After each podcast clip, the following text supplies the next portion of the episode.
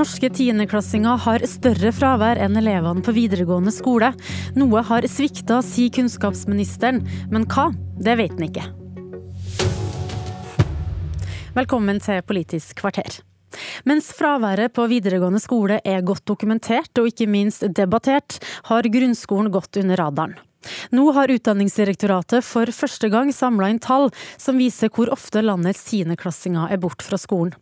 Normalen er seks dager og fem timer fravær, men det som bekymrer regjeringa er at 15% av elevene er borte tre uker eller mer. Og kunnskapsminister Jan Tore Sanner fra Høyre, hva skal du gjøre med det? Det er nå første gang vi får disse tallene på bordet. Jeg er glad for at vi får dem, og tallene er urovekkende.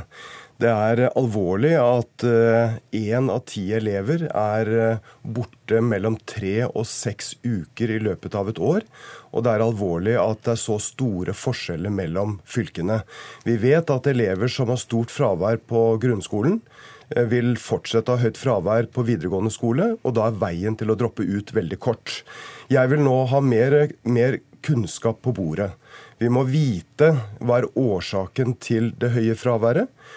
Og vi må vite hvordan følger skolene dette opp og hva er årsaken til at det er så store forskjeller mellom skolene.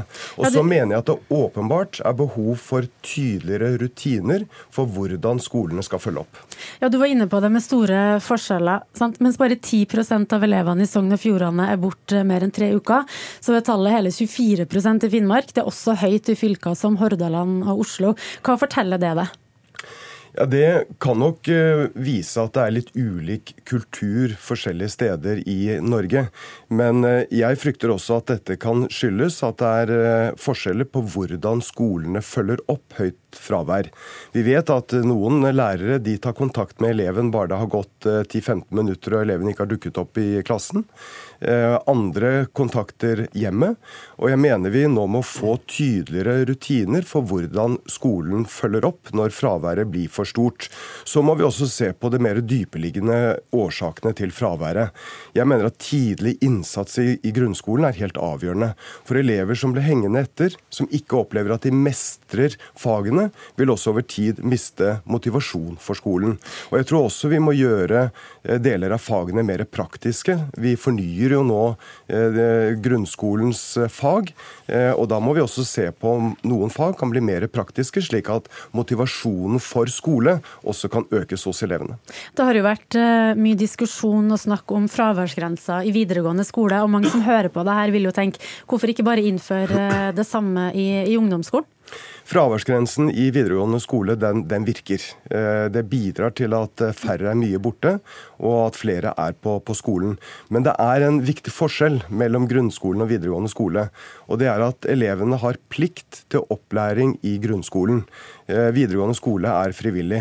Derfor mener jeg at, at, det har ingen hensikt å snakke om fraværsgrense for elevene i grunnskolen. I den grad vi skal snakke om en grense, så må det være hvilken grense det skal være for skolen for når den skal eh, kontakte hjemmet, når man skal følge opp elevene når fraværet blir for stort. Ja, Konkret, da, Hvordan sånn, kan en sånn fraværsgrense for skolen se ut? Jeg mener vi må se på, på, hvilke rutiner som skolene har når elevene blir borte. Jeg snakker mye med, med, lærere og skoler og elever, og jeg ser at det er veldig store forskjeller. Mens noen skoler følger opp veldig tett, veldig raskt, så ser vi at andre skoler ikke gjør det. Det betyr at det er for tilfeldig, for store forskjeller, og vi må ha tydeligere rutiner for hvordan eh, skolene skal følge opp. Steffen Handal, leder av Utdanningsforbundet. Sanner snakker her om å stille tøffere krav eh, til skolene som opplever mye fravær. Er løsninga at lærere skal reise rundt og hente eh, ungdommer som eh, ikke har dukka opp? Noen steder så gjør jo lærerne det, og da gjør de det i et system. ikke sant? Og det legges til rette for at det er mulig. Så det er klart Det kan være et tiltak. Men jeg, jeg syns det er bra at Sanner vier ut her og snakker om at årsakene er sammensatt. Og jeg tror også det er regionale, kulturelle forskjeller som kan ligge bak noe av dette. Men vi skal jo heller ikke slå oss til ro med det. Men vi som er lærere og skoleledere og som møter disse elevene, vi vet jo at eh, det kreves veldig ulike tiltak for ulike elever. Eh, og at fraværet sånn sett ikke kan behandles eh, under ett. Og jeg tror vi skal være litt sånn forsiktige med, liksom, retningslinjer og regler eh, som skal gjelde for alle, og at alle skal møte det samme systemet. Det tror jeg er en jeg tror ikke det er en oppskrift, oppskrift for suksess. Jeg tror vi må tenke sammensatt her. Jeg tror tett oppfølging er nøkkelord. Jeg tror Forskeren som dere intervjuet tidligere i dag, pekte på skole-hjem-samarbeidet. Det tror jeg er helt avgjørende. Og jeg tror også at eh, et godt elevdemokrati, altså lytte lytte til hva elevene sier om sin egen hverdag, om sin egen skoletid. Da vil du også finne årsaker som vi som er voksne kanskje ikke umiddelbart får tak i. sånn at Det handler om å jobbe eh, systematisk og, og over tid her. Det, det, det trengs. Da vi snakka sammen i går, så pekte du også på den testinga som eh, foregår eh, i skolen. Og hvordan tror du det kan spille inn også på fraværet? Ja, altså jeg har lyst til å understreke, og jeg er glad for at Sanner også peker på at vi vi må, vite mer her. Men nå er vi invitert litt til å spekulere, og derfor gjør vi også det. Og jeg tror, altså jeg tror det er Finn Skårderud som har sagt at vi blir til eh, ikke innenfra og ut, men utenfra og inn. Og det er klart at Hvordan vi driver vurderingsarbeidet i skolen, det vil da prege også elevene.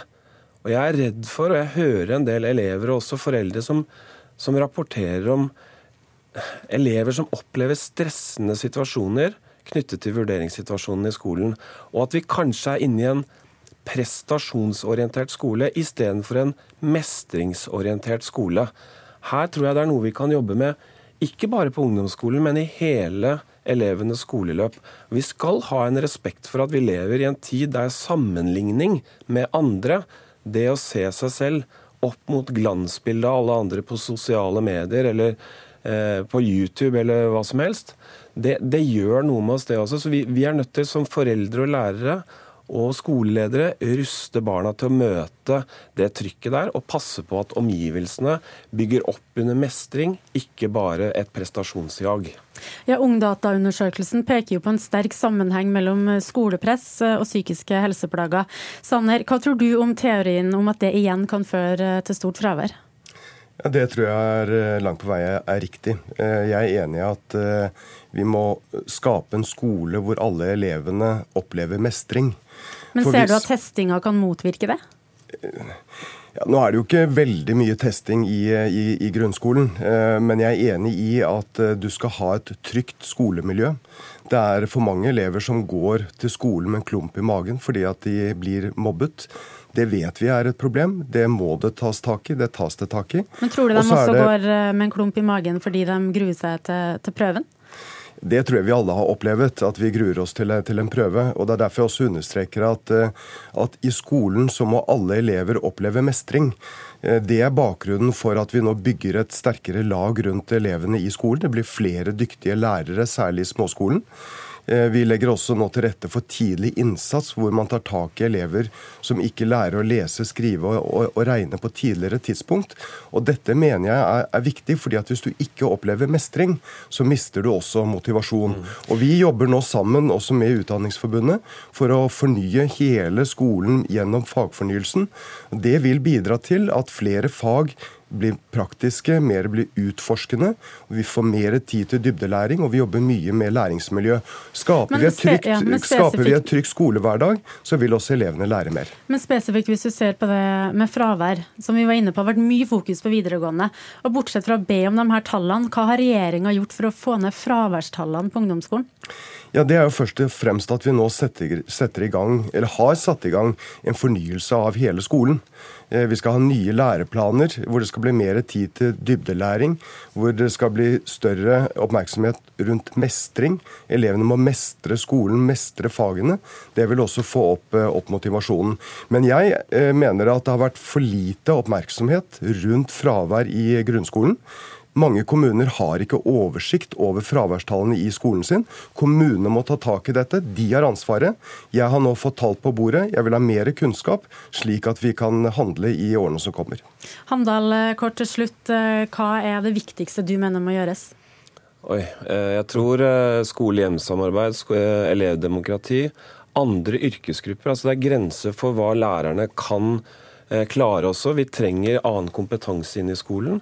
Eh, og så tror jeg, tror jeg at noe av dette trykket, som dette prestasjonstrykket, det er sunt. Jeg er helt enig med Sanner i det. Men hvis det blir for voldsomt, så kan det også føre til at elevene trekker seg tilbake og, og, og kvier seg, gruer seg, ikke mestrer i skolen. Det må vi være observante på. Det var det vi rakk i denne omgangen. Takk for at dere eh, kom, kunnskapsminister Jan Tore Sanner fra Høyre og Steffen Handal i Utdanningsforbundet.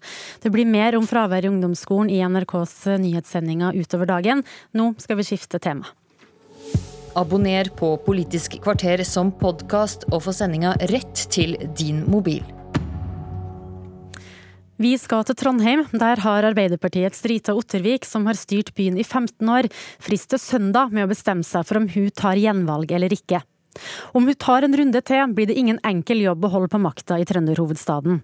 Arbeiderpartiet, som hadde over 40% av velgerne i ryggen sist lokalvalg, er ned i 26% på den siste målinga. Det er intern uro i partigruppa, og Ap sliter med å helle på samarbeidspartiene. Politisk redaktør i Adresseavisen Tone Sofie Aglen, du er likevel ganske trygg på at Ottervik stiller som ordførerkandidat for femte gang. Hva er grunnen til at du ikke gir seg nå?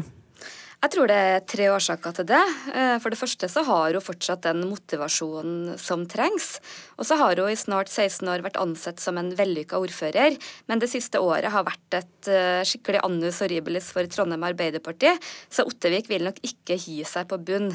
Dessuten så mangler partiet aktuelle arvtakere i Trondheim, så hun ville satt partiet i en svært vanskelig situasjon om hun trakk seg nå. Hvorfor har jeg venta så lenge med å avklare om hun tar gjenvalg eller ikke? Ja, Det har nok handla lite om Rita Ottevik og mye om det laget hun skal ha med seg. For Trondheim Arbeiderparti har vært rysta av den mye omtalte Kystad-saken, og det har ført til at mange av lokallagets mest sentrale politikere har trukket seg. Noen har mista tilliten, andre har mista motivasjon. Eh, samtidig så har partiet vært veldig dårlig på å bygge nye talenter, noe de har fått svi for nå. Og jeg tror partiet rett og slett har støvsugd Trondheim etter gode kandidater, og Ottevik har nok brukt seg sjøl som en brekkstang for å få med seg de folka hun vil ha, og som hun kan stole på. I 2003 så var jo Trondheim det store rød-grønne utstillingsvinduet. Senere har Arbeiderpartiet også bygga allianser med KrF og Venstre i sentrum. Hvordan har det gått? Nei, Det har ikke gått eh, spesielt bra. Fra å være et veldig tydelig rød-grønt prosjekt, så danna Ottevik en allianse bestående av hele sju partier. Kun Høyre og Frp har vært utafor. Og resultatet ble nok ikke den regnbuealliansen som kanskje var intensjonen, men ble ganske sånn grått og profilløst. Og den veldig utvanna rød-grønne politikken førte til at SV ble veldig misfornøyd og trakk seg fra samarbeidet. Så har Venstre etter veldig kort tid fått nok og har varsla at 16 år med Ottevik og Arbeiderpartiet det får være nok i Trondheim, og det samme sier også Pensjonistpartiet. Så hører vi også da helt andre signaler fra Senterpartiet om at eh, de kan finne på å bytte side, så Ottevik har nok gapt over for mye med denne storkoalisjonen. Og For å komplisere bildet av trondheimspolitikken ytterligere, så har Miljøpartiet også mista tillit til sin egen profilerte varaordfører Hilde Opoku. Eh, så det neste året så vil Trondheim faktisk ha en frittstående varaordfører. Det høres ut som det nærmest blir lett match da, for Høyre å, ta over eh, makta i byen, men det er kanskje ikke så enkelt? Nei, man skulle jo tro at det var et eh, drømmeutgangspunkt, men likevel så har Høyre en formidabel oppgave dem må vise at de er et alternativ til Arbeiderpartiet og bygge et lag som folk vil stemme på. Vi ser jo nå på målingene at tapte velgere fra Arbeiderpartiet de går til SV og Rødt i veldig stor grad. Så har Høyre i Trondheim eh, over tid vært dårlig på alliansebygging og er helt avhengig av å jobbe bedre for å få samarbeidspartier. Og så tror jeg de også er avhengig av både at rikstrenden blåser Høyre sin vei, og også litt flaks skal de klare det her. Men så må vi huske på at det er lenge siden at Høyre har hatt så gode sjanser i Trondheim, og jeg tror for et drøyt år siden så er det ingen som hadde trodd at Høyre ville ha noen som helst mulighet til å vinne makta i Trondheim. Det er i hvert fall ingen tvil om at det er spennende å følge med trondheimspolitikken fram mot valget neste år. Takk for at du var med, Tone Sofie Aglen, politisk redaktør i Adresseavisen. Klokka den er straks åtte, og ukas siste politiske kvarter er over. Nå fortsetter Nyhetsmorgen, der du bl.a. får mer om den anonyme kronikken som har ført til kildejakt i Det hvite hus i Washington. Det blir også mer om det spennende valget i Sverige som er på søndag. Jeg heter Siv Sandvik.